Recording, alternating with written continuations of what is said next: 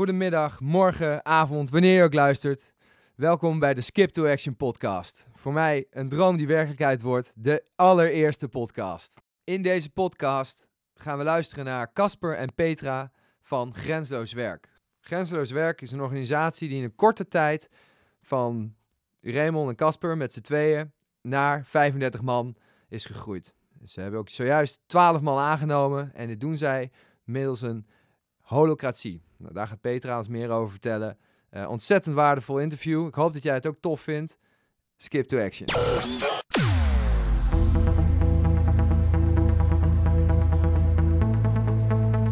Nice. Zo, jongens, podcast. Welkom. Here we go. Hebben jullie, uh, luisteren jullie wel eens naar een podcast?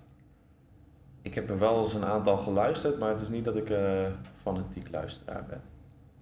Ja, ik luister zo nu en dan wel eens een podcast. Nou, cool. Nou, wat leuk. Uh, ik zit hier met Casper en Petra. kunnen jullie wat over jezelf vertellen? Dat kunnen we. Casper Lemmer, 25 jaar. Gestudeerd aan de NL, bedrijfskunde MER. naast de studie gewerkt in het buitenland, in Spanje. En daar eigenlijk uh, tot het idee gekomen om te beginnen met ons, uh, ons bedrijf Grenzeloos Werk. Waarmee we mensen de kans bieden om te werken in het buitenland. Het kan zijn vaste banen, vakantiewerk of vrijwilligerswerk. binnen Grenzeloos Werk hou ik me voornamelijk bezig met uh, de marketing, het financiële gedeelte en een stukje operationeel. Cool.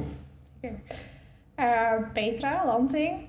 Ik ben ook werkzaam bij Grenzeloos Werk, 29 jaar. En uh, voordat ik bij Grenzeloos Werk ben uh, gekomen, heb ik ook in het buitenland gewoond en gewerkt. Dus uh, voor een aantal maanden in Frankrijk en Oostenrijk en Italië. En daarnaast heb ik ook gereisd, dus, dus Zuid-Amerika, Australië, Nieuw-Zeeland. En... Oh, veel van de wereld.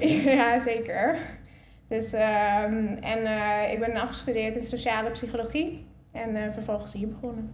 Cool. En hier, kan je wat vertellen over, over Grenzeloos Werk? Uh, dat kan ik zeker, maar uh, ik denk dat de, de oprichter. Uh... Het beter kan. ik voel de pressure. um, ja, met Grensloos zijn we eigenlijk begonnen omdat, nou, uit eigen ervaring dus. ik werkte zelf in Lorette Mar. Begonnen achter de bar, erg leuk zomerbaantje. Uiteindelijk doorgegroeid tot manager, waarin ik verantwoordelijk was voor het aannemen van het Nederlands team. We hadden iedere zomer 50 Nederlanders voor ons werken. En daar kregen we zo'n 1200 sollicitanten voor. Ja. Er zijn een heleboel mensen die we helaas moesten afwijzen. Terwijl er eigenlijk in Spanje zelf een heleboel horeca-eigenaren waren die uh, stonden te springen om Nederlands personeel. Uh, Nederlanders spreken natuurlijk goed, uh, goed Nederlands, maar ook uiteraard Engels. Dus ze kunnen goed communiceren met de andere toeristen. En het werkt gewoon heel goed als een Nederlander op vakantie komt, dat er een Nederlandse barman staat. Zo is het idee eigenlijk ontstaan. Dus dat ik in het derde jaar uh, van, uh, volgde ik de minor ondernemen. Dan heb ik een ondernemersplan geschreven voor Grensloos Werk. En uh, Raymond, mijn compagnon met wie ik het bedrijf heb gestart, kende ik al van de HAVO. En die deed CMD. Ja, zo zijn we eigenlijk begonnen vanuit schoolprojecten met het bouwen van Grensloos Werk. Uiteindelijk in juli 2016 afgestudeerd. En toen voetbal aan de slag gegaan. En eigenlijk in twee jaar tijd van twee naar inmiddels uh, 30 enthousiastelingen gegroeid. Dus dat is heel hard gegaan. Heel bijzonder. Ja, vooral begonnen met het seizoenswerk, dus de clubs op Mallorca en Ibiza, campings in Frankrijk. En eigenlijk kwamen we uh, op een gegeven moment erachter dat er uh, op vaste banen ook hele grote kansen lagen bij de grote multinationals. Die eigenlijk ook uh, de Salando's, Expedia's die een Nederlandse afdeling hebben in het buitenland. Hm. Dus zo hebben we eigenlijk anderhalf jaar geleden besloten om onze eigen recruitment tak op te richten. Waarmee we direct zaken konden gaan doen met de grote multinationals. Mooi. Dus je bracht eigenlijk vraag en aanbod bij elkaar. Ja, klopt. Online. En een heleboel mensen die hebben de ambitie om te gaan werken in het buitenland. Maar zien een heleboel hobbels, zoals uh, natuurlijk huisvesting, uh, verzekering. Uh, en wij helpen ze door dat traject heen. Dus we schrijven blogs en delen heel veel informatie met ze. Maar op onze recruitment tak zitten ook dames die hebben gewerkt en gewoond in het buitenland. Dus die kunnen ons geen ander vertellen hoe het is Ah, ja, mooi. Dus, je, dus de, de, nou ja, zijn het vaak studenten of werknemers, noem je ze zo, die uh, ondersteun je ook tijdens hun traject in het buitenland? Ja, wij blijven met ze in contact. Dus onze voornaamste doelgroep eh, is tussen de 18 en de 30 jaar. Eh, er zijn veel andere mensen die een tussenjaar nemen of net klaar zijn met de middelbare school. Mensen die klaar zijn met een HBO en gewoon nog even een jaartje tussenuit willen. Ja. Maar er zitten ook mensen tussen die echt voor een carrière gaan in het buitenland. Dus die gaan naar Dublin, naar de, naar de Googles, Amazons. eh, Vet, om daar ook carrière te willen, maken. eh, willen werken. Ja, ja, het zijn ook hele gave kantoren, Ja. ik je zeggen. Ja. Ja, dat geloof ik wel. Maar daarnaast hebben we ook mensen die in Nederland met pensioen moeten gaan, eh, dat het nog niet willen. En die zijn ook van harte welkom bij onze opdrachtgevers. Dus in principe, voor onze dienstverlening maakt het niet uit hoe oud je bent. Ja. Eh, en ja, we proberen ook constant dat aanbod te verbreden, zodat meer mensen een mooie baan in het buitenland kunnen vinden. Vet man. Absoluut. Nou, eh, goed bezig. En dat allemaal dus in twee jaar. Ja. Ik kan me wel voorstellen dat het ook eh, voor jou wel, ja, wel impact op je heeft gemaakt. Kan je daar wat over zeggen? Van, ja, als je nou kijkt naar twee jaar geleden en nu. Ja, dat heeft zeker er is veel veranderd. Toen ik met Raymond begon, begonnen we aan de keukentafel bij mij thuis. Ja, daar weet ik alles eh, Toevallig. uiteindelijk een, eh, in de bibliotheek een eh, hokje in beslag genomen. Wat we deden alsof we het huurden. En eh, in het vierde jaar volgden we de minor eh, de Noorderlingen in Groningen. En Oh, toen ja. hebben we onze huidige investeerders ontmoet. Lutze en Laurens. En zijn we eigenlijk hier op het Zuiderplein terechtgekomen. Dus eh, vanaf toen is het eigenlijk in een, eh, in een sneltreinvaart gegaan. Dus dan heb je in één keer eh, personeel, een kantoor wat nou ja, volgens mij inmiddels bijna vertienvoudigd is. Als je kijkt naar het eerste kantoortje waar we zaten. Dus daar is in één keer heel veel bij komen kijken. Maar een heel leerzaam traject. waar- Ja. Wat vind je, en wat zijn wat leuke inzichten? Ehm, nou, wat, wij, wat ik sowieso heb geleerd is dat je moet investeren in goede mensen. Dus eh, nou ja, Petra is al inmiddels al bijna anderhalf jaar bij. Eh een van onze pareltjes. als ik Ehm, mij als ja. Anderhalf Ja, ja, ja, jaar. ja, toen ik begon waren we ook nog met een klein clubje. Ja. Dus, zaten we eh, nog boven. Ja, ja, met oude kantoor. Leuk dat je dat ook hebt meegemaakt. Ja, bijzonder hoor. Ja, die heeft dus de hele groei eigenlijk eh, meegemaakt. Maar waar ik, het, ja, waar ik ook wou zeggen is inderdaad dat eh, ja, investeren in goede mensen, zeg maar. Eigenlijk mensen die beter zijn dan jezelf. Zodat je met elkaar de organisatie verder kan laten groeien. En in de tijd eh, van het opzetten van grenzeloos werk heb ik heel erg geleerd dat het belangrijk is dat je mensen de vrijheid geeft en het vertrouwen eh, om hun werk te doen. Ja. Dus bij ons, eh, de mensen die bij ons werken, die, we werken op basis van holocratie. Ja. Maar daar kan Peter alles over vertellen. Alleen, eh, ik geloof er wel heel erg in dat je mensen de ruimte moet geven en ze de dingen te laten doen waar ze goed in zijn en waar ze energie van krijgen. En dat proberen wij hier eh, eigenlijk voor iedereen te creëren. Wat vet. Heb je daar ook wat eh, concrete voorbeelden van? Hoe je dat, ja, hoe- dan iemand nou, zo in zo'n vrije omgeving daar de vruchten van plukt? Ja, absoluut. Simon, onze grafische man, we zijn inmiddels natuurlijk het kantoor weer verdubbeld. Eh, waar Ja. we net stonden. En dan heb je zo'n hele mooie grote landkaart. En die heeft Simon ontworpen en daar heeft hij alle vrijheid voor gekregen. En sommige mensen zeggen dan, ja, op het moment dat je zoveel vrijheid geeft, dan lopen de kosten dan niet de pan uit. En, eh, maar juist doordat die jongen daar eh, de vrijheid in kreeg, nam hij zijn werk ook zo serieus dat hij, hij heeft met zoveel verschillende leveranciers gesproken, zo goed zijn onderzoek gedaan, dat hadden wij waarschijnlijk zelf niet eens gedaan op die manier. Ja. Maar omdat hij zich zo verantwoordelijk voelde, pakte hij dat heel serieus op. Dus dan zie je eigenlijk dat juist doordat je ze die vrijheid geeft en dat ze zelf mogen beslissen, eh, ja, dat het dat alleen maar positief Ja. uitpakt. Ja, geloof dat ik ook mensen opbloeien. Maar misschien wel handig dat jij wat vertelt wat holocratie dan precies inhoudt. Ja, ja. Ja, inderdaad. Ja, voordat we naar holocratie gaan, dacht ik misschien is het nog leuk om te vertellen, want jij was laatst ook genomineerd voor een of andere award. Eh, misschien is dat leuk om te vertellen wat het, waarvoor je genomineerd was en wat, wat de impact daarvan is. Ehm, ja, ik was genomineerd voor de Jonge 100. Eh, daarvoor zijn we volgens mij twee, drie weken geleden in Amsterdam geweest voor de finale, voor de uitreiking. En dat zijn eigenlijk eh ja, 100 mensen die in Nederland genomineerd worden onder de, of eh, tot en met 25. Eh, van vloggers tot influencers, ondernemers. En eh Bekende namen ook hoor. Ja? Ja. spelers. Voetbalspelers, stories. Hoe, Ja. ja, hoe was dat? Eh, dat was heel gaaf. Het was een, eh, een brunch in Amsterdam op zondag, eh, waar al die mensen bij elkaar werden gezet. Ook om elkaar te inspireren. Nou, en dan zie je eigenlijk wat voor ambitie mensen daar allemaal zitten. En dat inspireert weer, dan kom je weer op allemaal ideeën. Dus ik heb ook allemaal afspraken staan met, eh, met mensen die daar ook bij waren en Ja. genomineerd waren. En we mochten de prijs meenemen naar Leeuwarden. Dus eh, in de categorie Business Hero eh, ja, hebben wij de prijs mee teruggenomen naar Nederland. Er waren vijf eh, categorieën. En dat is dan eh, de titel, Ja, heb je dan eh, Ja. te pakken. de eerste prijs.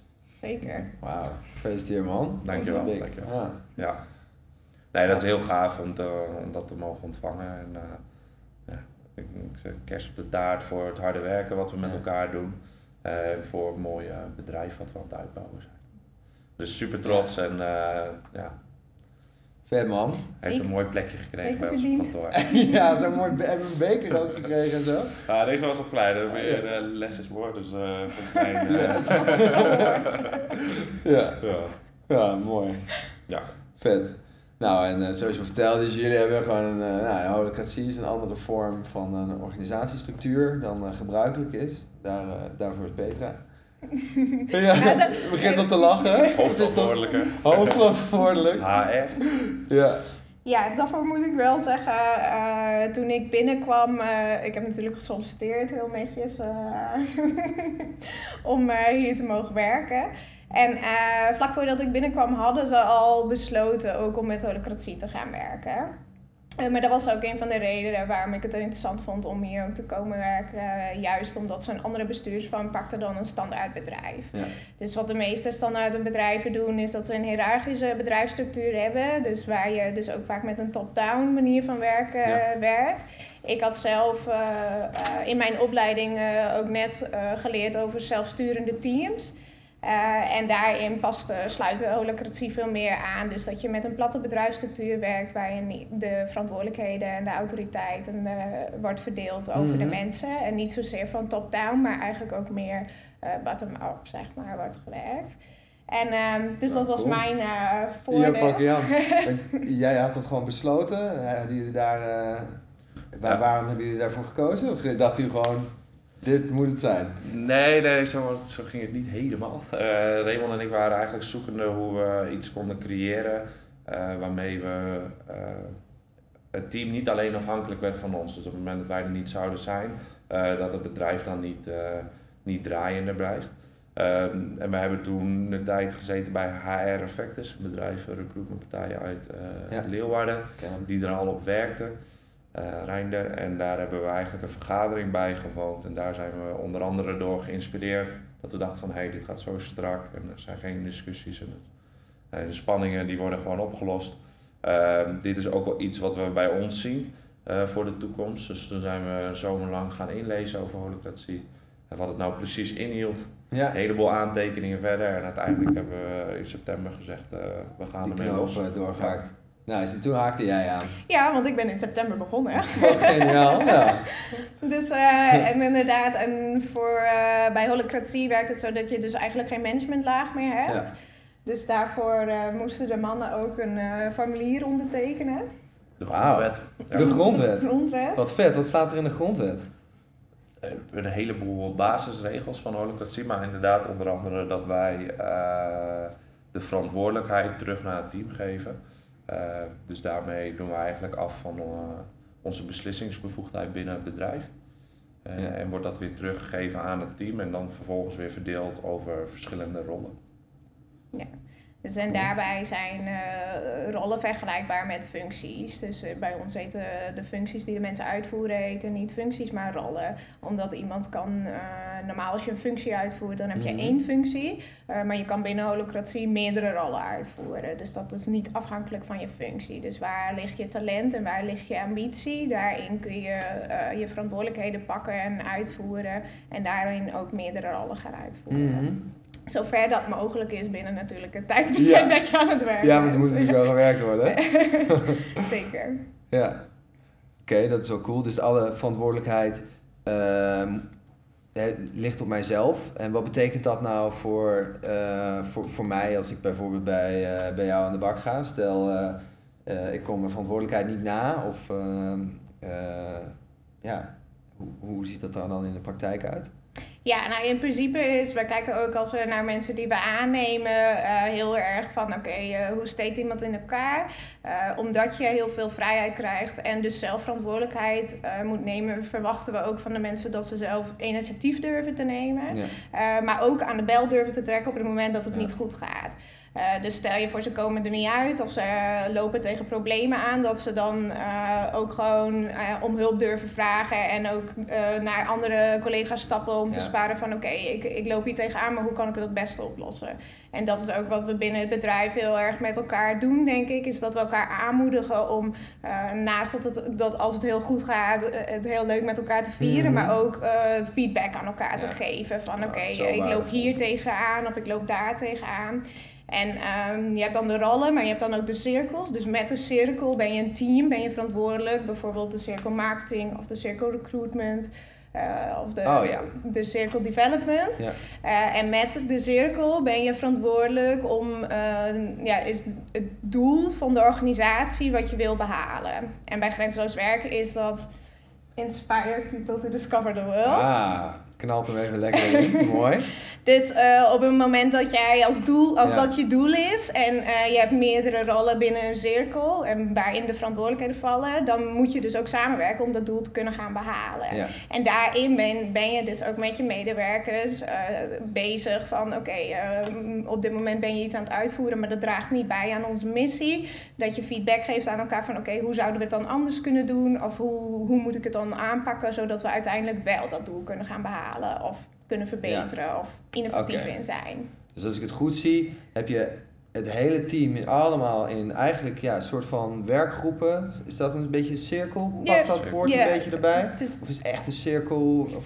ja, het zijn En- werkgroepen. Eigenlijk zijn Ja. het een soort van de afdeling eh, van ja. het bedrijf op dit moment. Ah, en daar zit je in. En maar daar zit dus ook overlap van die cirkels eh, om samen dat hogere doel te gaan behalen. eh, to inspire people. To discover the world. Die, ja. Zeker. Dus eh, met grenzeloos werk eh, is natuurlijk het belangrijkste dat we eh, zoveel mogelijk mensen laten proeven van het buitenland en dus ook werk aanbieden in het buitenland. En op het moment dat je dus een marketingcirkel hebt en als doel hebt om, om, om dat voor elkaar te krijgen, Mhm. van ja, wat, wat, wat voor doelen hang je daar dan aan vast? Dus zoveel mogelijk mensen die je op Facebook gaan volgen of op sociale media. Of, dat draagt aan bij uiteindelijk aan het hogere doel om, om zoveel mogelijk mensen in het buitenland te laten werken. En eh, daarmee ook eh, mensen te laten veranderen in, eh, in hun persoonlijke ontwikkeling, Ja. zodat ze groeien in wie ze zijn. Wauw, en hoe, hoe toetsen jullie dat? Dat als jullie, als jullie die, die missie halen, inderdaad met Facebook gaf je net al een beetje aan? Of Ja, we hebben Eh, bijvoorbeeld media? eh, on- met holocratie hebben we iedere maandag een general meeting, zo wordt dat genoemd. Dus Ja. in principe de werkvergadering. Tijdens de general meeting is het opgedeeld in dat we in het begin van de meeting indicatoren aan elkaar ook vertellen. En die indicatoren gaat over van oké, hoe ver staat het met, met de doelen die we hebben? In hoeverre worden die bereikt? Of Ja. gaan we juist, gaat het ergens juist iets minder goed? Dus moet er aan worden gewerkt? En aan de hand van die indicatoren kun je dan ook weer spanningen, worden ze genoemd bij Oh. holocratie. Wauw, veel eh, vakjargon. ja, heel veel Ja. vakjargon eh, Ja. invoeren. En een spanning, ik zal een spanning even definiëren. Een spanning Ja. kan zijn positief of negatief. Eh, maar het kan zijn eh, dat je ehm, iets hebt waardoor je denkt dat je kan optimaliseren. Dus dat je denkt dat het beter kan binnen het bedrijf om uiteindelijk het doel te gaan behalen. Maar het kan ook iets zijn dat iets juist tegenwerkt. Dus dat je je werk niet goed kan uitvoeren Ja. en daarom daar tegenaan loopt en dat je dat eh, invoert in de vergadering. En Ja. ehm, dus ook in, in verhouding met andere vergaderingen hebben wij niet een standaard agenda, maar die wordt ter plekke opgebouwd. Wauw. Dus, Is eh, dat niet, dan kost dat niet heel veel tijd? Eh, Normaal eh, ga je toch juist een, een agenda van tevoren maken en die stuur je naar iedereen, zodat iedereen weet van oké, dit gaan we bij langs. Eh, en dan ben je op de vergadering bezig met de agendapunten aftikken. Ja, dat zou je wel zeggen inderdaad. Ja. Maar ehm, mijn ervaring is, want ik heb voorheen ook wel in besturen gezeten en dergelijke. Maar mijn ervaring is dat we nu, eh, ik denk wel, eh vervijfvoudigd aantal punten kunnen verwerken door de manier waarop eh, we de meeting leiden. En er zijn wel vergaderingen waar er 35 tot 40 spanningen worden ingediend in de general meeting. En dat wordt gewoon binnen een uur behandeld. Dat Zo. het een hele strakke vergadering is, waar in principe geen discussie is of dat iedereen probeert consensus te bereiken. Dus het is heel efficiënt. Dus, Ja. eh, Ja. dat was Maar ook- als je dus, als je dan zo'n vergadering hebt en hè, je hebt een spanning. Stel, eh, Petra en ik, eh, hè, er is iets voorgevallen. Hè, dit- ja, ik heb eigenlijk een beetje ruzie met haar. Of er is een probleem eh, waardoor ik mijn werk niet meer goed kan doen. Mhm. Dan zou het toch verstandig zijn om daar juist over te gaan praten, lijkt me. Of in ieder geval dat, eh, da- dat uit te spreken. Of ga je dat dan in, in, in- hoe kan je dat dan 40 punten in één uur eh balans bijvoorbeeld? Als dat een, een spanning is of een voorbeeld. Of zijn dat verkeerde spanningen waar ik nu aan, aan denk? Het zou een spanning kunnen zijn, inderdaad. Eh, ik denk dat er een verschil zit in de mate van Ja, ja, oké. Maar stel met zo'n voorbeeld, hoe zou je dat dan aanpakken? Ja, wat er eh, in principe gebeurt is met onder holocratie is dat je de rol aanspreekt. Dus op het moment Oké. dat je in je werkzaamheden dus ergens tegenaan loopt, ga je zelf ook al bedenken van oké, maar hoe zou ik het dan anders willen zien? Mhm. Uh, en dan kun je de rol die daar verantwoordelijk voor is, die, die jou kan helpen om jouw spanning op te lossen, uh, kun je daar rechtstreeks op aanspreken. Dus op het moment dat er tien mensen in een vergadering zitten, maar je hebt maar één andere rol nodig om je spanning op te lossen, hoef je hoeven er dus eigenlijk maar twee mensen uh, te praten om die spanning op te lossen. En de andere tien uh, hoeven niet mee te discussiëren omdat, omdat het uh, tussen die twee rollen gaat. En dat is wat er denk ik in de meeting heel erg gebeurt. En uiteraard mag je altijd de input van de anderen vragen en uh, is er zeker mogelijk. Mhm.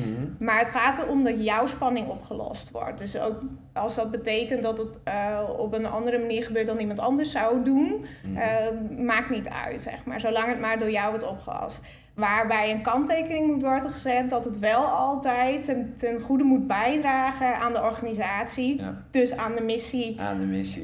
Wauw, hoe uh, hebben jullie die missie hier uh, keihard op de muur gespijkerd? Uh, Wat zou je zeggen? Nou, uh, hij hing hier zo heel Ja, groot aan de muur. Oh. Maar, maar op dit moment even niet. Aangezien wij uh, komende maandag of komende twee weken hebben we twaalf nieuwe mensen die starten. Dus hij is even... Twaalf nieuwe mensen? hij is Zo, even verplaatst. Hij is even verplaatst naar de ruimte waar we, die, waar we uh, hun ontvangen. Zodat ze gelijk al uh, kunnen proeven van de missie. Ja. ja, wat mooi zeg. Twaalf nieuwe mensen. Ik kan me echt voorstellen dat het een gekhuis is. En welke, welke rollen gaan zij dan uh, vervullen? Hoeveel rollen hebben jullie nu in totaal, denk je, ongeveer heel grenzeloos werk? En kan je ook twee rollen hebben? Bijvoorbeeld uh, chef uh, feest en chef... Uh, We hebben een feestbeest inderdaad. Een feestbeest, ja. Een feestbeest is verantwoordelijk voor onze, onze borrels. Die rol ah. voert ze heel serieus uit. Ja, dat is ook een belangrijke dus, rol. ja. Ik heb de financiële rol en daar uh, krijg ik wel weer eens hoofdpijn van, uh, van. Daar uh, zijn we nog niet bij. een spanning. dat is soms een spanning. Dan zijn we nog niet eens bijgekomen van de, van de kater en dan wordt het volgende verzoek alweer ingediend. maar je kunt inderdaad meerdere, meerdere rollen hebben. Ja. ja, absoluut. Ik denk dat wij nu binnen de organisatie tegen de, als je alle cirkels neemt, zo'n 50, 50, 60 rollen zal zitten. Zo. Dus ja. en dat kan heel uitlopend zijn. Van uh, imago tot uh, customer happiness. Uh, voor alles is een rol. Ja. Maar op het moment dat het er nog niet is, dan wordt dat weer ingediend in een andere vergadering. In een roloverleg. Ja. En daarin wordt dan een rol gecreëerd. Of gekeken of het een verantwoordelijkheid is van een bestaande rol. Ja. ja. Dus en een, uh, een roloverleg uh, is naast dan dat je dus de general meeting, het werkoverleg op, me, op, uh, hebben wij op maandag. Maar een roloverleg wordt één keer in de maand gehouden en gaat vooral om, om de bestuursvorm. Okay. Dus inderdaad, van wat voor rollen heb je, wat voor verantwoordelijkheden vallen daaronder. En is het werk wat je doet op dit moment ook daadwerkelijk het werk wat je doet. Dus eh, dan gaan we eigenlijk een beetje reflecteren ook Ja. van hey, blijft er werk liggen? Moet er ergens nog een rol voor gecreëerd worden omdat we daar niet aan toekomen? Of eh, ben jij werk aan het doen wat niet valt onder jouw rol? Dus waar Ja. zouden die taken dan heen moeten? En dat komt op een roloverleg. Dan kun je dan ook als spanning indienen van ik ben op dit moment eh, iedere dag ook iets aan het doen wat, wat, wat nergens staat dat ik dat moet doen. Ja. Dus dan kunnen we dat opnemen in dat dat voortaan onder je verantwoordelijkheden gaat vallen. Ah, en op die manier blijft het ook niet liggen, neem Nee, ik aan. nee. Dat is ook wel een heel mooi, dat je door middel van die rollen, eh, als er iets is, dat altijd kan oppakken of onderverdelen. Want in ieder geval, dat merk ik wel eens bij, eh, bij organisaties. Dat je, dat je ziet dat eh, hè, we doen social media er een beetje bij. Of dat, weet je wel, dat in de waan van de dag verander, ja, verleidt dat naar de, naar de achtergrond. Ik vind het wel heel mooi hoe je dat dan op deze manier ja, tegen kan gaan. En daarbij is het wel heel belangrijk dat het heel transparant blijft. Dus dat, dat iedereen ook de, eh, weet wat er wel en niet gebeurt. Dus dat je eh, met dat soort overleggen dus ook goed aangeeft eh, eh, op het moment dat je taken uitvoert die je niet, eh, nog niet onder je verantwoordelijkheden vallen. Zodat het voor iedereen duidelijk is wie waar verantwoordelijk voor is uiteindelijk. Staat dat ook ergens dan? In een soort eh, grote boek van grenzeloos werk? Eh, ja, we werken met een programma dat heet Holy Spirit. En daarin eh, wordt bijgehouden wat je rollen en verantwoordelijkheden zijn. Ah. En, eh, en kunnen het dus ook heel makkelijk aangepast worden. En ik denk dat dat ook een van de hele grote voordelen is van dat wij werken met holocratie. Is dat het maakt dat je organisatie ontzettend dynamisch Ja. Dus ehm, met de snel veranderende wereld waarin we zitten, eh, gebeurt het gewoon heel vaak dat, dat je snel moet aanpassen op dat een werkgever ineens last minute nog met een hele grote aanvraag komt. Of, eh, ehm, en doordat wij makkelijk kunnen schakelen en op deze manier werken, kunnen we daarop inspelen. En ook ehm, op korte termijn dingen veranderen om, eh, om dat klaar te maken. Heel vet. En dat, eh, dat programma, Holo Spirit. Holo je? Spirit. Holo Spirit, is dat speciaal gemaakt voor een holocratische organisatie? Of is dat gewoon eh, een pakket? Neem maar aan van wel. Wat is, is dat dan anders dan, eh, dan Trello of Simplicate? Of, Ja, het is, eigenlijk, het is echt speciaal voor de ja, dus vooral een stukje rollen erbij. Zit- Projecten kun je erin doen, inderdaad. Je verzamelt je spanningen erin. Maar je Ah. hebt ook een mooi overzicht aan welke rollen er zijn, welke domeinnamen daar weer onder hangen en bevoegdheden. Dus echt puur gebouwd voor organisaties inderdaad die, eh, Ja, die werken met holocratie. vet. Ja. Wel cool. En ik hoorde je net, eh, net zeggen inderdaad, eh, nou hè, het is dan transparant. Eh, wat betekent dat dan voor de organisatie? Hebben jullie dan de, ja, de omzetcijfers eh, aan, ook eh, aan de muur hangen? Of eh, hoe, hoe gaat dat dan eh, voor, naar het team toe? Ja, we hebben verschillende grote schermen in het kantoor hangen. Ja, dat meen je. Daar heb ik al, eh, had ik net even heb moeten kijken. Ja, nou, wel Heb je niet nou, ik ben- gezien? ik ben wel eh, geïnteresseerd nu, ja. En daarop delen we eh, de indicatoren onder andere. Dus inderdaad wat er die week eh, is gefactureerd, hoeveel nieuwe accounts er zijn aangemaakt. Zodat iedereen binnen de organisatie zich er ook bewust van is eh, waar we staan, Ja. hoe het gaat. Eh, en dat we ook kunnen kijken op het moment dat het heel druk is of juist heel rustig. Om te kijken waar dat dan ligt. Ja, Dus daar zijn we, ja, in die gegevens zijn we gewoon transparant. mooi. Ze weten wat de kosten zijn die we maken. We weten, ze weten precies wat we verdienen Ja. eh, op een plaatsing. Dat is allemaal gewoon zichtbaar. Wel, eh, ja, ik vind, het, ik vind het heel mooi dat het kan. En ook bijzonder hoe jij dan jouw rol, want normaal heb je dat vaak, is dat afge, afgeschermd voor, voor alle medewerkers. Is het niet voor jou ook heel eh, lastig geweest om gewoon alles uit handen te geven van... eh, ja, want ja, eigenlijk geef je een heel stuk van je, van je recht als eigenaar eh, weg, of niet? Ehm, ja, ik heb er persoonlijk niet zoveel veel last van gehad. Ik zag ook al vrij snel in wat het voor effect het had zeg maar, op Ja. het team. En dat dit denk ik de nieuwe toekomst is, of de nieuwe manier van werken. Dus ik heb daar zelf niet zo'n eh, nee, niet zo'n probleem mee. Maar ik begrijp wel dat het voor mensen lastig kan zijn. Want het is wel, Ja. je moet wel vertrouwen op de mensen eh, die, voor je, die voor je werken. Alleen dat eh, vertrouwen heb ik volledig. Dus, maar, maar uiteraard, natuurlijk is het soms eng. Ehm, maar ja, dat, ik zeg altijd, het is niet erg om fouten te maken. Daar leren we alleen maar van en we- Ja. maakt ons alleen maar sterker. Dus dat hoort ook bij het ondernemen. Je valt, maar je staat weer op en je gaat weer door. Ja, En dat doen wij hier met z'n allen. dat is wel vet. En ik denk ook, eh, Casper geeft het mij natuurlijk ook, maar eh, dat die vrijheid die je krijgt, eh, maar ook de verantwoordelijkheid die je mag gaan dragen, ervoor zorgt dat, dat mensen eh, autonomie ervaren. En autonomie is namelijk heel belangrijk. Ik heb psychologie gestudeerd. Ja, ja om, Ja. gelukkig te zijn. Dus op het moment dat je autonomie ervaart, dus dat je het gevoel hebt dat jij bijdraagt, kan dragen aan, aan het werk wat je levert, dus dat het ertoe doet wat je aan het doen bent, zorgt er ook voor dat je meer gemotiveerd raakt en dat je ook eh, eigenlijk nog meer verbonden bent ook met het bedrijf waar je voor werkt. Dus dat het ook een beetje gaat voelen als eh, je eigen bedrijf. Ja, en je eigen visie. Ondanks dat het natuurlijk niet je eigen bedrijf is, maar omdat je zo die verantwoordelijkheid mag dragen en daarvoor eh, al- de beslissingsbevoegdheid Ja. ook krijgt, Ja, ja. het is natuurlijk ook plat. Zijn we al, eigenlijk Ja. allemaal een beetje mini-ondernemers. En ik denk dat Casper daarin samen met eh, Raymond en Gijs een hele mooie beslissing hebben gemaakt, omdat ze daardoor eh, ja, een gemotiveerd personeel ook hebben, Ja. wat eh, enthousiast met hen meewerkt. En als je bij ons rondloopt, eh, denk ik ook dat je dat voelt, dat, dat iedereen zich betrokken voelt. Ja. En eh, eigenlijk een beetje, ja, we zeggen dan de grenzeloze werkfamilie eh, Ja, dat is vet. is.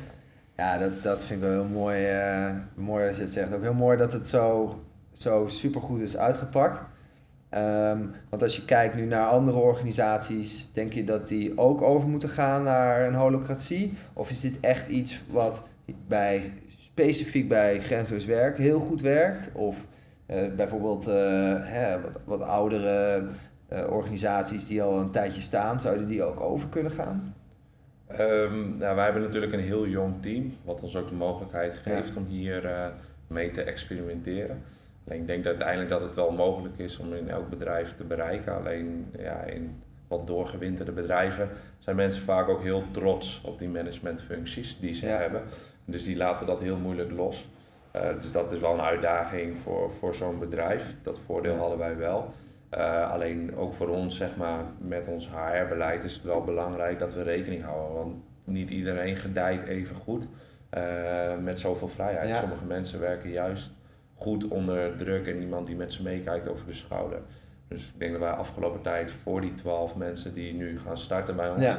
ook 60, 70 sollicitatiegesprekken hebben gehouden. Zo. Dus ook daarvan een groot deel eh, zeg maar, niet hebben kunnen aannemen. Mm, Ja, ja dat- zijn dus, en dat zijn ook die, die karaktereigenschappen waar je het eerder ook over, eh, over had. Sorry. Dat is wel eh, heel tof. Waar, hoe definieer je deze mensen? Dat vind ik ook wel een leuke vraag. Waar, eh, waar herken je ze aan? Goeie vraag. Waar kennen we ze aan? Ja, ik denk eh, dat, dat je al heel erg gauw merkt dat op het moment dat iemand zelf al eh, initiatief toont, dus met vragen komt en al eh, betrokken is over, over waar we mee bezig zijn. Dus in die zin heel erg laat zien. dat ze al nadenken over, over werk of over de missie. Dat je daarin al een, een stukje krijgt van oké, daar zit initiatief in en eh, die kan. Ja. eh, en heel, heel vaak geven de mensen zelf ook aan dat ze het fijn vinden of ze, dat ze zelf beslissingen mogen maken en, en in vrijheid werken. Dus bijna, ik denk dat bijna elke sollicitant wel heeft aangegeven dat ze het fijn in een werkgever vinden eh, dat je ehm, ja, de vrijheid krijgt. Dat is Ja. steeds belangrijker denk ik voor de jeugd. Of in ieder geval Ja. de jongere mensen, Ja. zeg maar. nou ja, die ja, onze generatie, eh, Ja. ik geloof er ook heel erg in hoor. Die vinden eh, cultuur veel belangrijker en, en de vrijheid en dat ze Ja. zelf dingetjes mogen beslissen. En ik denk ook wat ik bij een gedeelte van ons team terugzie, zitten ook wel mensen die ergens de ambitie hebben om zelf te ondernemen, zeg maar. mhm. Maar dat vinden ze hier bij ons, omdat ze juist die vrijheid Ja. krijgen, zeg maar. Dus die zijn binnengekomen met ik wil uiteindelijk graag voor mezelf beginnen. Maar je merkt dat hun eh, eh, die bevrediging van dat ondernemen vinden bij ons, zeg maar. Ja. Doordat ze echt Dus het hoeft dat eigenlijk ze- niet meer.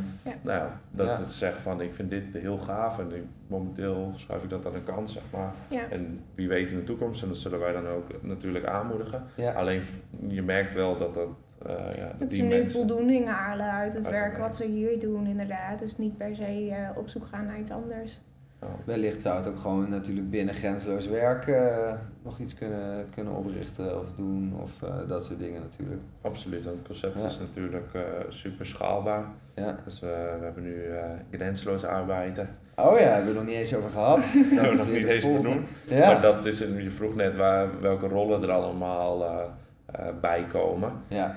Dat is onder andere een groot gedeelte van het Duitse team wat groeit. Want ons Duitse platform groeit ontzettend hard. En we verwachten ook dat we daar echt eh, flinke stappen in 2019 in gaan maken. Omdat de Duitsers natuurlijk ook erg reislustig zijn. Ook veel een tussenjaar nemen na de studie. Eh, wat super aansluit op ons concept. Ja. Dus eh, ook daar eh, maken we inmiddels Duitsers blij met... eh, Ja, dus die, die dienst die staat ook al, eh grenzeloos arbeid draait al. zeker, ja. Mooi. Ja, ik Ja. denk dat wij nu over de 1500 mensen in de database hebben daar. Dus Zo. dat groeit, eh, groeit flink door. Ja. Zo, en in, hoe, eh, in welke periode heb je dat gerealiseerd? Of jullie, sorry.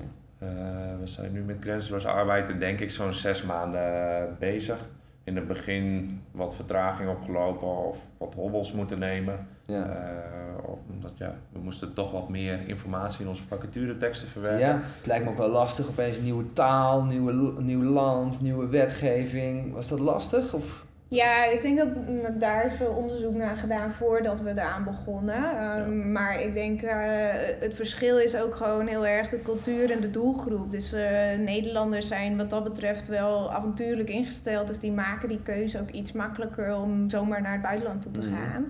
Uh, en ik denk dat een, een Duits iemand heeft gewoon iets meer uh, informatie nodig voordat ze de beslissing willen nemen. Dus daarin zijn onze facturenteksten op dit moment bijna dubbel zo lang, denk ik. Ja. Zo. Om, uh, om, omdat ze daardoor meer zekerheid ervaren en uiteindelijk die stap beter durven te zetten. Ja. Een Duitser wil precies weten wat het inhoudt, wat de functie is, uh, waarom ze dit zouden moeten doen. Een Nederlander veel meer de avonturier is, die komt deze week binnen en sommigen vliegen de volgende go. week Ja. vliegen ze naar Lissabon. uh, dat, ja, dat zie je Duitsers gewoon niet zo snel doen. Die, die plannen echt vooruit, 6 tot 12 maanden, dan wil ik graag weg. En. Ze hebben het helemaal uitgestippeld. Dus dat zit gewoon cultuurverschillen in. En ja, we hebben daar wel heel goed onderzoek naar gedaan en uh, gespart met andere ondernemers die dat pad al hebben bewandeld. Uh, zodat we konden leren van de dingen waar zij tegenaan zijn gelopen. Ja, want dat hoor ik al. Dat is volgens mij ook wel een beetje een rode draad uh, in, de, in grenzeloos werk. Hè? Steeds naar uh, partijen toe gaan en kijken van oké, okay, jullie hebben het al gedaan. Kunnen jullie me daar iets van, van vertellen of over informeren? En dan op basis daarvan wel overwogen beslissingen maken. Klopt, die, die tip kregen we eigenlijk al vrij snel van onze investeerder Lutze. Ja. Van ga kijken bij andere ondernemers in de keuken. En, en leer daarvan. Dus dat is eigenlijk iets wat we al vanaf het begin uh, mee hebben gekregen en inderdaad veel gebruik van hebben gemaakt. Uh, waardoor we gewoon een aantal hele goede sparringspartners om ons heen hebben verzameld. We hebben Probo uit Dokkum waar we uh, ja. Af en toe mee zitten. Voice in Groningen, ook natuurlijk een mooie partij met ja. democratie. Ja. Ja, en daarnaast PwC voor de juridische vraagstukken internationaal. Dus we hebben een aantal sterke partners waar we gewoon regelmatig mee zitten om nieuwe dingen met elkaar te bespreken. En dat is gewoon heel leerzaam. Uh, en dat doen we andersom ook voor mensen die bij ons een kijkje in de keuken willen nemen. Ja, ja natuurlijk, want uh, het zou wel hypocriet zijn. Uh. Absoluut, ja. als je zelf wel ja, alles, vervolgens ja. niet geeft. Nee, maar dat, maar dat is heel, ja. daar trekken wij ook weer heel veel lering uit, zeg maar. Ja, geloof ik ook wel. Ja, zo, zo doe je het wel en zo kwamen we met holocratie, of uh, met de Duitse markt, hebben we gezeten met de oprichter van Katawiki, Marco. En voor hen was Duitsland ook een, uh, een grote uitdaging waar ze tegen veel dingen zijn ja, ja, Kata Wiki is ja. ook snel gegaan, hè? Ja, dat, dat is echt giga gegroeid. Ja, hoeveel man werken daar nu? 500? 500 tot 700 ja. of zo. Ontzettend. Heel Europa actief. Ja. En, uh, maar zij gaven ons al de tip van ga niet werken met een vertalingsbureau, maar neem meteen een native Duitser in dienst. Ja. Veel beter de taal. Je, ja, en op het moment dat zinnen niet kloppen, dan haken Duitsers natuurlijk meteen af. Dus zorg dat je dat ja. goed hebt zitten en niet iemand die al 20 jaar in Nederland woont. Kan ik me wel voorstellen, want als je dit, dat fouten maakt in je advertenties, zou ik ook afhaken. Ja, je hebt maar één kans om je, om je te profileren hè, in Duitsland. Dus nou, dat soort tips hebben ons heel goed gedaan. En uiteindelijk is het dan try and error. we zijn live gegaan en toen ja, Een beetje bijschaven. af en toe en knopjes draaien. Ja, Ja, knopjes draaien, ja, dat is ook wel dat, leuke. dat, dat komt wel weer Ja. terug naar eh holocratie ook. Is dat eh, omdat je met een bestuursvorm als holocratie werkt, is dat je makkelijk kan bijschaven. Dus dat je dus er tegenaan loopt van oké, dit loopt toch niet goed of dit loopt wel Ja. goed. Dus dat wordt ingediend als Dat is weer die spanning. En dan eh, ja, kun je daar flexibel op inspelen. Mooi. En ik denk ook waar, wat je net zei over eh, wat voor mensen we hebben zitten. Ik denk dat eh, voor, mm, ja, voor iedereen geldt die hier op dit moment aan het werken, is dat ze purpose-driven zijn. Dus dat ze hier werken omdat ze hier willen werken. Eh, omdat ze het leuk vinden waar we mee bezig zijn. Dat ze mee willen helpen aan, aan mensen naar het buitenland. dat mensen in het buitenland kunnen gaan werken en, en daarom hun werk uitvoeren. En ik denk dat dat wel echt de hoofdzaak is als je Ja. grenzeloos werk aan de slag wil. Vet. Intrinsiek gemotiveerd. Intrinsiek Zoals wij hem gemotiveerd. altijd op de opleiding eh voorgeschoten Zeker, kregen. maar een Ja. intrinsieke motivatie maakt ook dat mensen weer eh, blijer naar hun werk Ja. gaan. Dus dan, eh, ja, dan, dan zit je niet... worden, zin ja, hebben. dan zit je niet de klok af te gelukkig kijken, maar dan wil je hè? heen. Ja. Ja. En ik, dat zeg ik ook altijd. Je moet natuurlijk, als jij 40 uur per week aan het werk bent, is een heel groot deel van je leven. Dus ik wil dat, dat mensen die hier werken, dat ze ook zin hebben om te werken. Want anders dan ben je wel een heel groot van je deel van je leven aan het weggooien. Ja. Dus ik eh, zelf eh, zeg ik ook van je moet leven, eh, je, je werkt ook om te leven. En niet alleen maar dat je alleen maar aan het werk bent. En daarnaast nog moet leven, zeg Ja. maar. Dus ehm, daarom hebben we sinds kort ook flexibele werktijden ingevoerd. Dus, Ook wel eh, spannend lijkt me. Ja, dat, dat- dat geeft ons natuurlijk wel de mogelijkheid om mee te experimenteren. Eh, ja, daarmee hebben we eigenlijk eh, de, het kantoor geopend van 7 tot 10. Sommige mensen die eh, willen graag vroeg beginnen. Ja. Eh, maar we hebben ook bijvoorbeeld wat mensen die het fijn vinden om om 10 uur te beginnen. Dus die vrijheid krijgen ze. Eh, dat gaan we ook niet verder monitoren, zeg maar. Dat is puur op vertrouwen Ja. dat zij hun uren uiteindelijk maken en hun projecten afronden. En daarnaast heeft iedereen met de kerst een eh sportschoolabonnementje van ons gekregen. Ah, die vind ik ook zo mooi. Zodat ze eh, met elkaar groepslesjes kunnen doen. En dan krijgen ze ook de tijd voor over de werkdag om even lekker met elkaar naar de sportschool te gaan. Ja. Dus als je een zware ochtend hebt gehad Ja. en eh, je denkt van nou, ik, moet, eh, ik ga even een uur sporten, dan eh, ben je daarna ook natuurlijk weer veel productiever Ja. om, je, om je werk weer te gaan En doen. natuurlijk tien andere voordelen. Minder ziekteverzuim. eh, wederom geluk. Goed in je vel zitten. Goed in je vel, ja. Gezond. Ja, ontzettend. Ja, en ze krijgen eh, niet, niet alleen sportabonnementje, maar ze hebben ook ergonomische eh, bureaustoelen en staatzitbureaus en eh, vers fruit iedere dag. Dus eh, ik denk, ehm, nou ja, dan spreek ik ook voor Casper. Ja. Eh, zonder werknemers heb je natuurlijk geen bedrijf. Eh, dus die moeten eh, ten alle tijden voorop staan, eh, wil je je bedrijf Mhm. runnen. Dus uiteindelijk mm, gaat het denk ik om dat je werknemers zo gelukkig mogelijk Ja. zijn. Want dan kan je bedrijf ook groeien en ontwikkelen en, en groter worden. Ja, samen die visie uitdragen om, ja, dat moet eigenlijk ook, hè, want wat was hem ook weer? Inspireren naar buiten, maar dan heb je ook het inspireren, beginnen met jezelf als Ja. organisatie geïnspireerd. eh, Ja, Eh, zeker. Ik denk ook dat het begint binnen de organisatie. En dan pas heb je ook dat de mensen dat ze, dat ze naar buiten toe kunnen ja, hoe kan je iets geven wat je niet zelf hebt? Nee, want Maar- op het moment dat, je, dat er iemand binnenkomt via telefoon of via live website chat met vragen over en, en, en de stap naar buitenland gaan is natuurlijk soms best wel spannend. En eh, op het moment dat dan degene aan de andere Ja. kant blij is en het hier gezellig heeft en een, een goede dag heeft, dan zal die ook veel warmer reageren naar iemand toe eh, over de telefoon of over die e-mail. Dan als die persoon eh, zich niet gelukkig zou voelen. Ja, zijn- op ja dan verschil korter af waarschijnlijk, eh, een beetje zagrijnig. Ja, en Ja. dat werkt natuurlijk ook niet mee. Dan, eh, dan kun je iemand die al eh, het een beetje spannend vindt om naar het buitenland toe te gaan, eh, niet op de juiste manier helpen, denk ik. Ja. En, En dat- natuurlijk ook wel wat jonge mensen, heel delicaat. Lijkt me. In ieder geval, ik, ga, ik stel me voor dat ik als 16-jarig ventje gewoon mijn rugtas op mijn rug heb. Hey ho, let's go. Eén groot avontuur. Ja, dan zou het wel mooi zijn als je ook een hart onder de riem krijgt. Ja, zeker. Dus dat is ook uh, waarom zoveel, zoveel mensen hebben zitten die al in het buitenland hebben gewoond of gewerkt. Zodat ze ook gewoon weten waar ze het over hebben. En ook op de beste manier, uh, ja. Zij kennen dat gevoel op het moment dat je op Schiphol staat met je koffertje ja, te wachten op je vlucht naar een stad. Een onbekend avontuur tegemoet. Zeg maar zij kennen dat gevoel. En uh, we hebben Britta op recruitment zitten. Die heeft via ons een jaar bij Transavia gezeten in Praag die weet gewoon precies waar je rekening mee moet houden op het moment dat je gaat werken in het buitenland. Ja. Dus die kan je meteen een checklist meegeven, waar moet je aan denken. Nou ja, Praag kent zo ook een paar duimpje. Ja, dat, zijn, dat, dat is heel, heel waardevol. Ja. En daarmee proberen we ook uh, te ontzorgen. Dus we schrijven nu ook uh, blogs. Dus uh, bijvoorbeeld een project in Paramaribo waarbij je visumaanvraag moet doen. Wat behoorlijk pittig is als je dat zelf moet uitzoeken. Ja. maar dan proberen we dat ook te ontzorgen. Dus dat we het voor ah, hun uitzoeken. En in, ja, mooi in simpele, kant-en-klare taal online zetten. Ja. En dan die, hun daarin de stappen een beetje makkelijker maken. Ja, tof. En uh, zo dus die mensen ook overtuigen om uh, dat avontuur aan te gaan. Ik hoorde jullie eerder ook wel eens uh, wat zeggen over inderdaad neuromarketing. Dat vind ik ook nog wel inrichten. Dat is natuurlijk een mooi vakjargon. Maar ehm, ik had begrepen dat jullie daar ook wel wat mee doen. In de Duitse markt, dat is ook wel mooi. Je zegt al, het is twee keer zo lange tekst. Hoe testen jullie dat soort dingen dan? Of hoe ga je dan daar... hoe, neuromarketing is zo'n containerbegrip. Ja, nou, even heel eerlijk zeg maar, neuromarketing is natuurlijk ook gebaseerd op daadwerkelijke wetenschap. Ja. Uh, ik heb uh, ook neuropsychologie uh, vakken ah, gevolgd. Ah, ja, 1 plus 1 is 2. Ja, echt hè? Nou, wat leuk. Interessant. Maar waarbij je dus leert van oké, okay, waar reageert de brein op?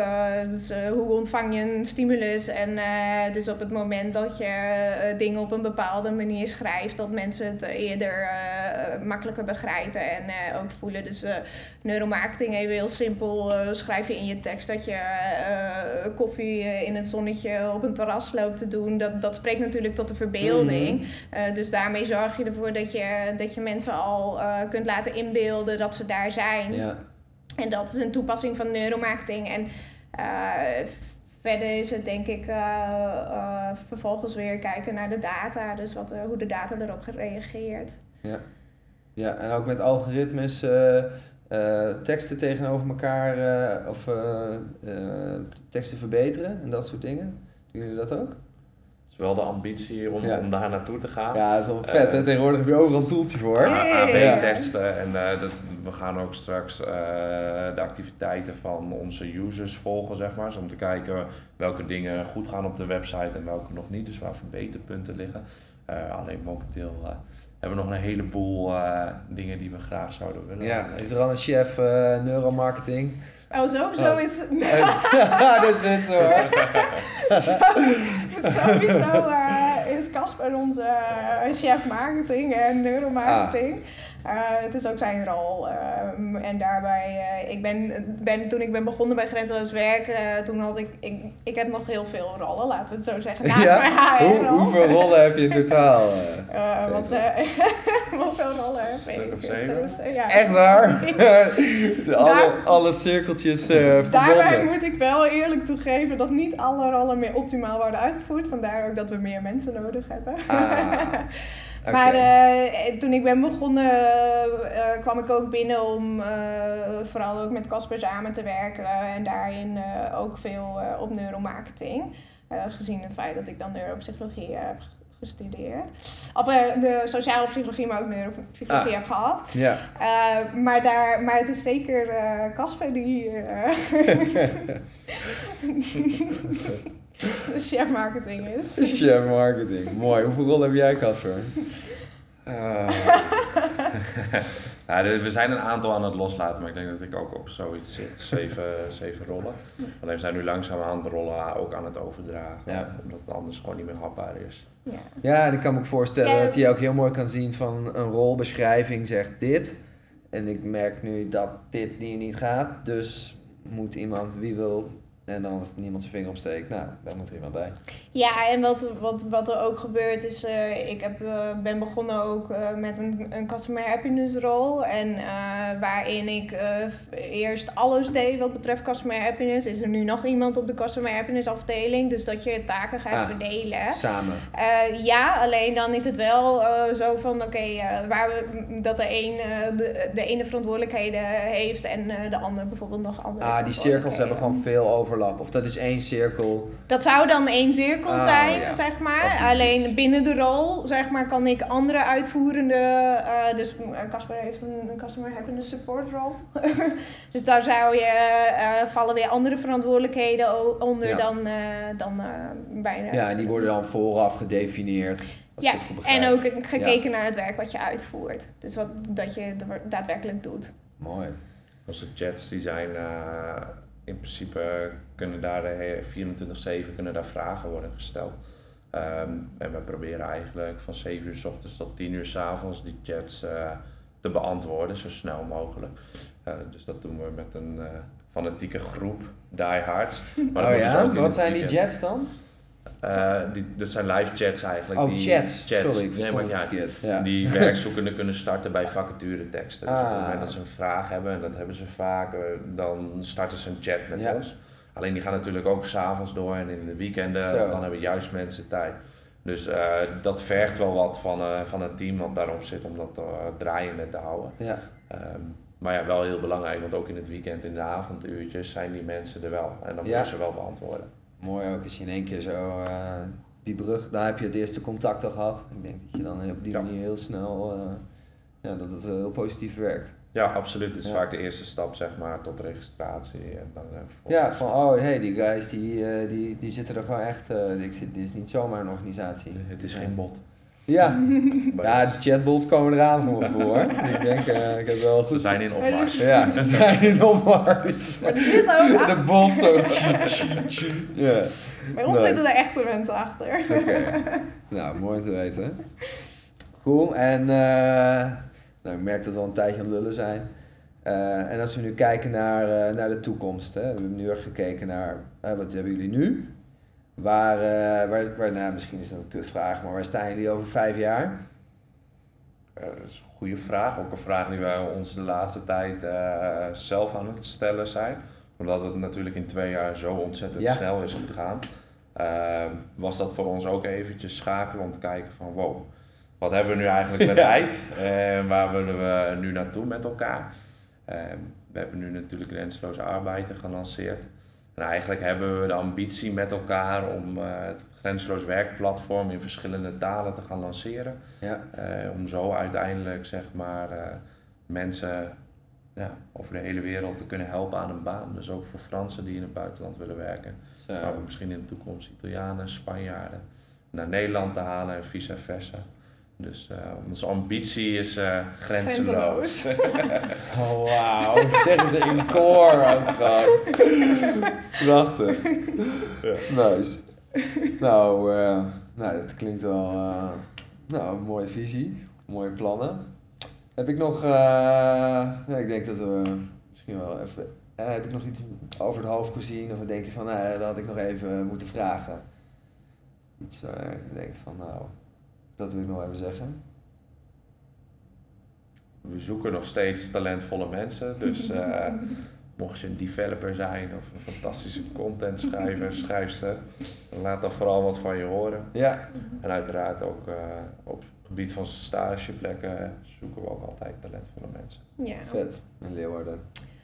En als je de ambitie hebt om een keer in het buitenland te gaan werken. Ook nog, ja, dat kan je natuurlijk ook altijd. Helpen we je natuurlijk ook. Wel, dan maakt het thuis. Ja. Nee, maar sowieso voor iedereen die geïnteresseerd is, eh zeg altijd: wees welkom om een. eh, de deur staat open, kom een kop koffie of thee drinken. En dan geven we ze graag een, eh, een Ja. rondleiding door ons bedrijf. Ja, kan je even sneaken op de muur kijken als je concurrent bent. Ja, Naar de jaarcijfers. ja. Oh, dat kun je ook bij de KVK opvragen. ja. ja, dat is ook wel weer zo. Ja, iets met transparantie. eh. Maar ze zijn welkom Mooi. hoor, Ja. zo ook zij mogen komen. Mooi. Alleen maar leuk. Ja, tof. Nou, dank jullie wel, eh fuck vet. Dat, eh, dat is hem denk ik zo. Graag gedaan. Graag gedaan. Cool. Zo, je hebt het einde gehaald. Super vet.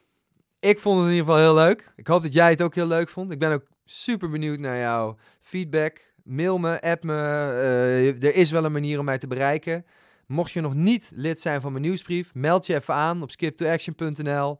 En volgende maand gaan we het hebben over de trends binnen media. Samen met Giel Duursma, super vette guy. En eh, check je later.